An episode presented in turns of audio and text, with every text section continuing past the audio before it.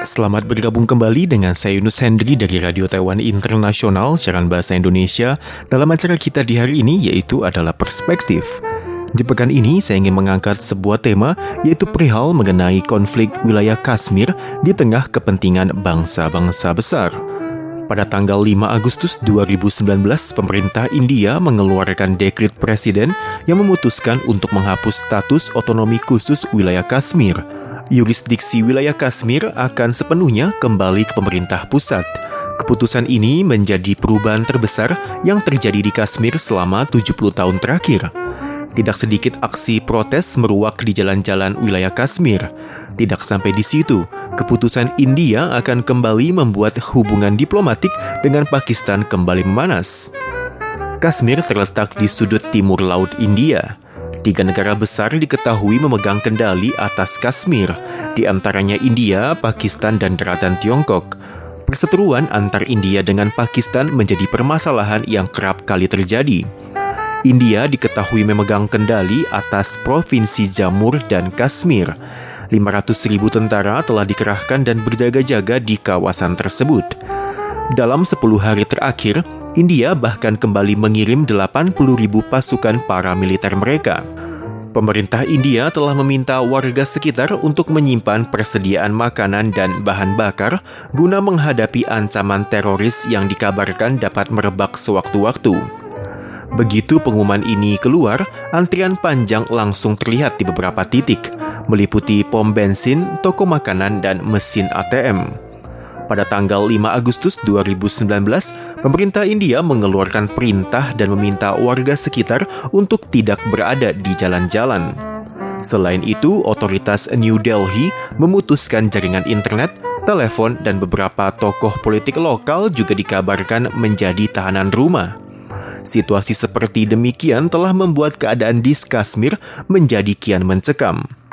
Pada tanggal 5 Agustus 2019, otoritas New Delhi mengumumkan akan menghapus status otonomi khusus Kashmir yang tercantum dalam hukum konstitusi pasal 370.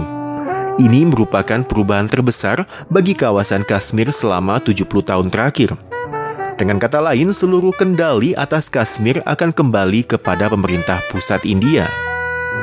Wilayah Kashmir yang sebagian besar dihuni oleh umat muslim menjadikannya sebagai kawasan minoritas di India yang mayoritas beragama Hindu. Menurut pasal 370, masyarakat Kashmir dapat memiliki hak otonomi khusus yang mana membebaskan mereka untuk mempunyai hukum dan bendera sendiri. Mereka juga diizinkan untuk menerapkan ketentuan domestik yang mana harus terlebih dahulu melewati prosedur verifikasi oleh pihak India. Selain itu, pasal 370 juga mengatur bahwa Kashmir berhak untuk melarang warga India datang, membeli properti, memegang jabatan publik, dan memperoleh gelar sarjana di Kashmir.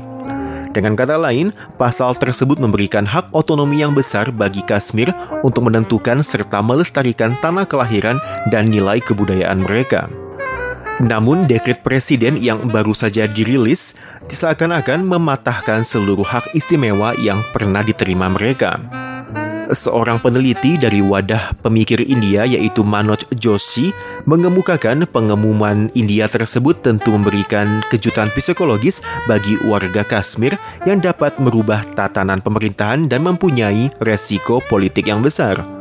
Faktanya, semenjak wilayah Kashmir berada di bawah naungan India, berbagai permasalahan sosial mulai bermunculan.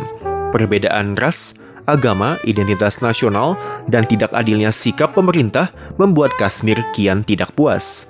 Mereka pun berharap dapat segera merdeka atau bersatu dengan Pakistan.